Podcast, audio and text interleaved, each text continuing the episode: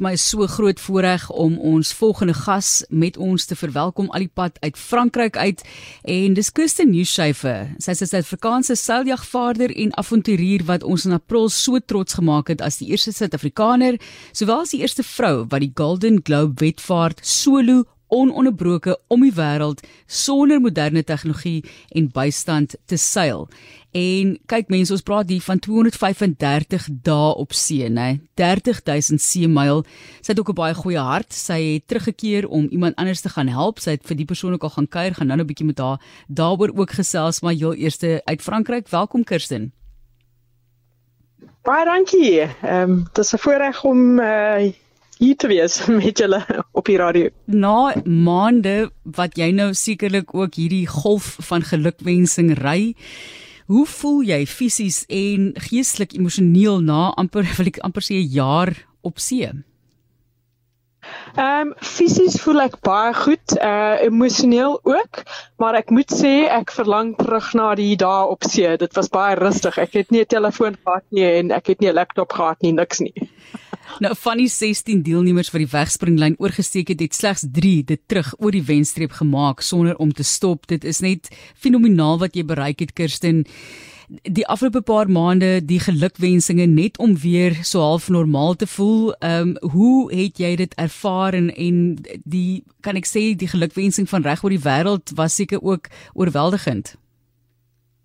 Dit was oorweldigend, maar dit is oorweldigend positief. Ehm um, uh, ek ek kan dit nog steeds nie glo nie hoe baie mense uh gekyk het wat aangegaan het um, toe ek op die Golden Globe race was en uh en vir my is dit 'n groot motivering dat dat mense so ehm um, geïnteresseerd was in hierdie ehm um, uh, weet. Hierdie roete. Ja, Kirsten, ek moet sê, nee, ek het nou vir haar gebel nou die dag net so 'n bietjie om die lyn te toets en sy sê nee, sy is besig om haar boot haar boot reg te maak so. Uh soos wat sy daar klaar gesê het, sy kan nie wag om weer te gaan seil nie. Ons gaan nou 'n bietjie daaroor gesels.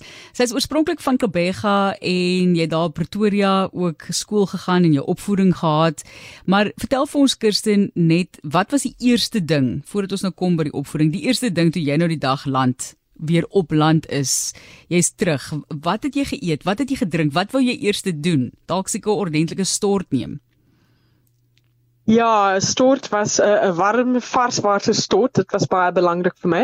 Ehm um, die eerste goed wat ek geëet het was vrugte, 'n uh, bietjie roomys. Ek het gesels met my my familie, my vriende, ehm um, ja, met mense oor die algemeen uh, na 8 maande alleen was dit nogal iets niets om so baie mense om my te gehad het. Die effek op jou familie, dit moes seker baie moeilik vir hulle gewees het vir daai lang tyd sonder jou om en om nie altyd regtig te weet hoe dit met jou gaan nie.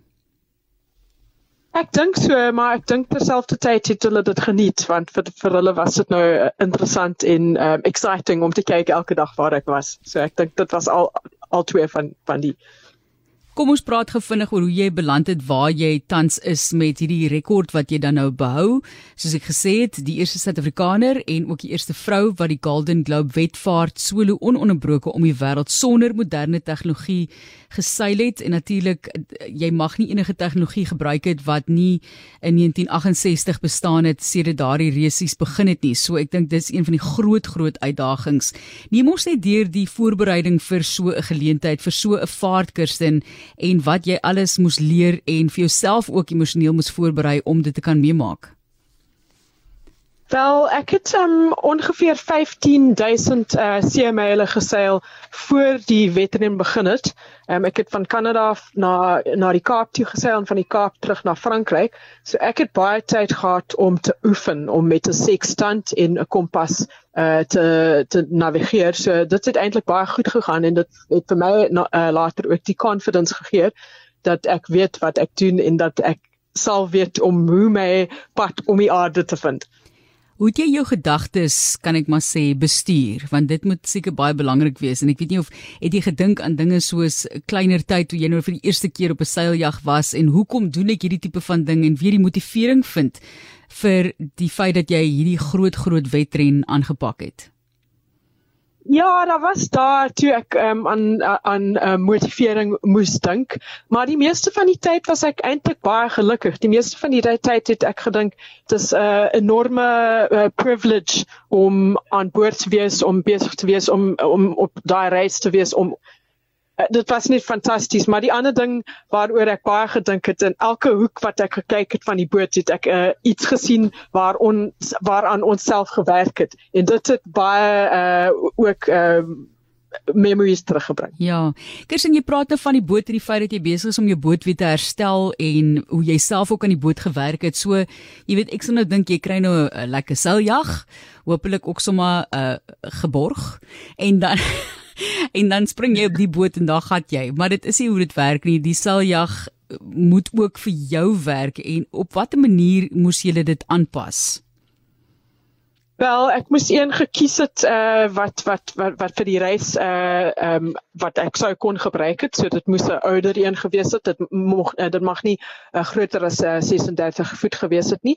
Ehm um, so ek het een gekies wat redelik oud was en ehm um, ek moes baie stylwerk aan daai um, boot gedoen het en ek het amper 1 en 'n half jaar lank gewerk, maar baie hard gewerk aan die boot. So nou is dit redelik moeilik vir my om die boot te verkoop uh want ek weet ek het so hard aan daai boot gewerk en ek het goeie werk gedoen ook aan die boot.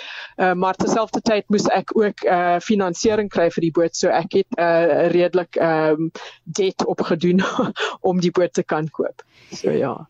Kirsten, die vaardighede wat jy moet hê om hierdie tipe van werk te kan doen of so 'n seiljagvaart aan te pak. Dit is nie net 'n geval van weet hoe om te seil, iemand wys vir jou wat's links en regs en voor en agter op 'n boot nie.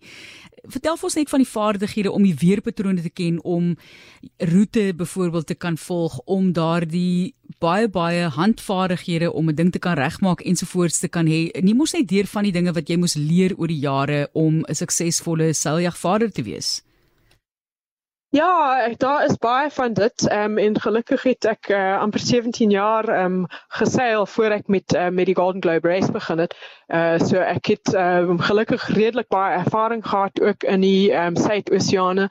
Uh so ek ek ehm um, ek, ek kon die weerpatrone heel wat goed ehm um, uh I, I could recognize them really well. Uh, maar terselfdertyd is dit moeilik want jy het nie moderne uh weather forecasting. So byvoorbeeld toe ek teruggeseil het um na Frankryk van die van Cape Horn af, um, het ek nie geweet presies waar die doldrums is en toe sit ek maar amper 2 weke sonder uh, baie wind um, en ek het nie uh, baie goed uh, goeie spoed gekry um, teen daai tyd. So as jy nie weet nie, as jy regtig nie weet nie en en jy het geen um, you've got no way to get weather forecasting dan moet jy maar hoop dat jy ook 'n bietjie gelukkig raak. Ja. Sjoe. So kom ons praat oor daai geluk. Jy weet een persoon kry moeilikheid, ander persoon soos jy hopelik nie moeilikheid ontvang of het toe nou nie moeilikheid opgetel nie. Ek is seker jy het uitdagings gehad, maar jy het op 'n stadium besluit jy gaan terugdraai om iemand te help wat wel probleme opgetel het. Kan jy vir ons daarvan vertel en hoekom jy besluit het om die moontlikheid te waag om nie oor die wenstreep te kom nie of om nie te voltooi dalk self nie. Hoekom het jy besluit om iemand te gaan help? Wel, toe ek uh, geweet het want ek het per satelliet um, telefoon geweet dat uh, Tapio Lehtinen se boot um, gesink het. Uh toe wou was ek nie meer eintlik geïnteresseerd in die wedren nie. Toe wou ek hom net help want ek sou self nie in 'n klein lifeboat in die middel van die uh, Indiese Oseaan wees nie. Um, en ek dink enig iemand wat ehm um, baie op see is en baie seil uh sou dieselfde gedoen het want ehm um, want as ek een as ek eendag probleme het dan sou ek ook hoop dat ander mense bereid sou wees om my te kom help. Ehm um, en ek dink dit is heeltemal normaal ehm um, dat in daai in daai oomblik sou ek nie ek ek ek sou hom nie net op die see wou gelos het om te wen nie. Dan sou dit vir my niks bedoel het om te wen ja. as ek hom nie sou kon. So hoe gaan dit nou met hom te loops? Oor dit gaan goed met hom. Hy gaan nou die Ocean Globe race doen wat ehm um, 'n uh, 'n uh, 'n uh, 'n uh, wedren is met met uh, ongeveer 10 persone aan boord, maar ongelukkig het hy van sy Ocean Globe uh, boot sy mas verloor net onlangs. Ehm um, so uh, ja, hy het 'n paar probleme, maar ek dink oor die algemeen gaan dit baie goed met hom. Hy seil nog en hy's nog baie entoesiasties. Die arme man. Kirsten, hoekom is seiljagvaart so kan ek maar sê verslawend. Jy wat sê jy smag om weer terug te gaan om weer op die water te kom en dit na weer eens vir die wat nou pas ingeskakel het 235 dae op see. Hoekom dink jy is dit vir jou so verslawend? Wel, dit is interessant met seiljagvaart. Of jy hou baie daarvan of jy glad nie daarvan nie. Ehm um, dis dis oor die algemeen wat ek gesien het. En ek dink hoekom die mense wat daarvan hou is omdat jy net weg kan seil van alles. Ehm um, en jy kan net hierdie groot oop te sien en jy kan alleen wees wat ehm um, nie altyd so maklik is in in in die moderne lewe en uh en ek dink dis die groot ding. Ehm um, maar ook jy's baie na aan na aan die na aan die natuur en dis vir my altyd belangrik belangrik. Jy het duidelik nie 'n probleem met alleen wees nie, want ek dink vir baie mense is dit 'n groot uitdaging om regtig 100% alleen te wees. Jy het selfs op die ouderdom van 22 besluit jy vat 'n fiets en jy gaan oor Afrika van noord tot suid trap, self ry en jy het jou roete begin in Duitsland soos ek verstaan. Wat dink jy verg dit om vir so baie tyd alleen te wees en in jou eie geselskap te wees? Wel, ek dink dit is dalk 'n uh, uh, tipe personality trait uh, waar jy of daarvan hou of jy nie daarvan nie. En ek het eintlik al altyd daarvan gehou om bietjie alleen te wees en veral as ek in die natuur is en 'n uitdaging het dan hou ek daarvan om self uit te kan vind of ek dit alleen kan doen. Ehm um, en ja, en as ek nou regtig alleen voel, laat ek voel ek graag iemand by my sou hê dan lees ek maar net 'n boek want dan kan ek uit my eie wêreld van op die boot wees byvoorbeeld ehm um, na 'n ander wêreld toe gaan in my kop. Wat so ehm um, ja. ja, ja, wat lees jy terloops? Ehm um, ek het byvoorbeeld baie van uh, Daleen Matthee se boeke gehou. Ek het deel wat van haar boeke saam gehad. Ehm um, in en andersins lees ek allerlei se boeke, maar ek, ek hou mees meestal van 'n roman, 'n novel want ehm um, dan is dit 'n storie en jy kan bietjie in in in 'n heeltemal heeltemal ander wêreld net verdwyn uit jou eie kop uit. Lenny Galant het terloops 'n uh, musiek vir jou geskryf aan 'n on the Minahana of on the Minahaha uh, van jou reise. Vertel vir ons van daai liedjie. Ja, ehm um, ek het uh, vir Lenny Galant uh, op Prince Edward Island ontmoet, uh, eiland ontmoet toe ek um, daar uh, my boot herstel het. En ehm um, al die mense daar is uh, baie entoesiasties oor ehm um, seiljagvaart en en en en die see oor die algemeen. So hy het my gevolg ehm um, en en toe hy hierdie liedjie geskryf en dit dit sing oor okay myself in die wedren maar ook oor Mina die boot want uh die mense op die eiland was baie entoesiasties oor die boot ook want hulle het vir my gehelp om die boot te herstel. Kirsten wat lê volgende voor en gaan jy weer daai Golden Globe wedvaart aanpak? Ehm um, ek dink nie noodwendig dat ek hom weer sal aanpak nie want ek het dit nou gedoen. Dit het ehm um, 3 of meer jaar van my lewe gevat en ek sou dit nie anders gehad het nie want dit was 'n fantastiese 3 jaar, maar dit was moeilik, dit was baie baie werk. Ehm um, en ek dink ek het dit nou gedoen en as ek nou iets ek, ek sou nou liewerste iets anders doen. Maar wat dit is, weet ek nog nie heeltemal nie want op die oomblik het ek nog vir die boot 'n haha en ek sou baie graag nog 'n laaste keer met haar seil uh, nie ver nie, maar dalk net na die Azores of iets. Ehm um, net om vir 'n laaste keer te weet hoe dit voel om daai boot te seil en dan sal ek haar sekerlik moet verkoop.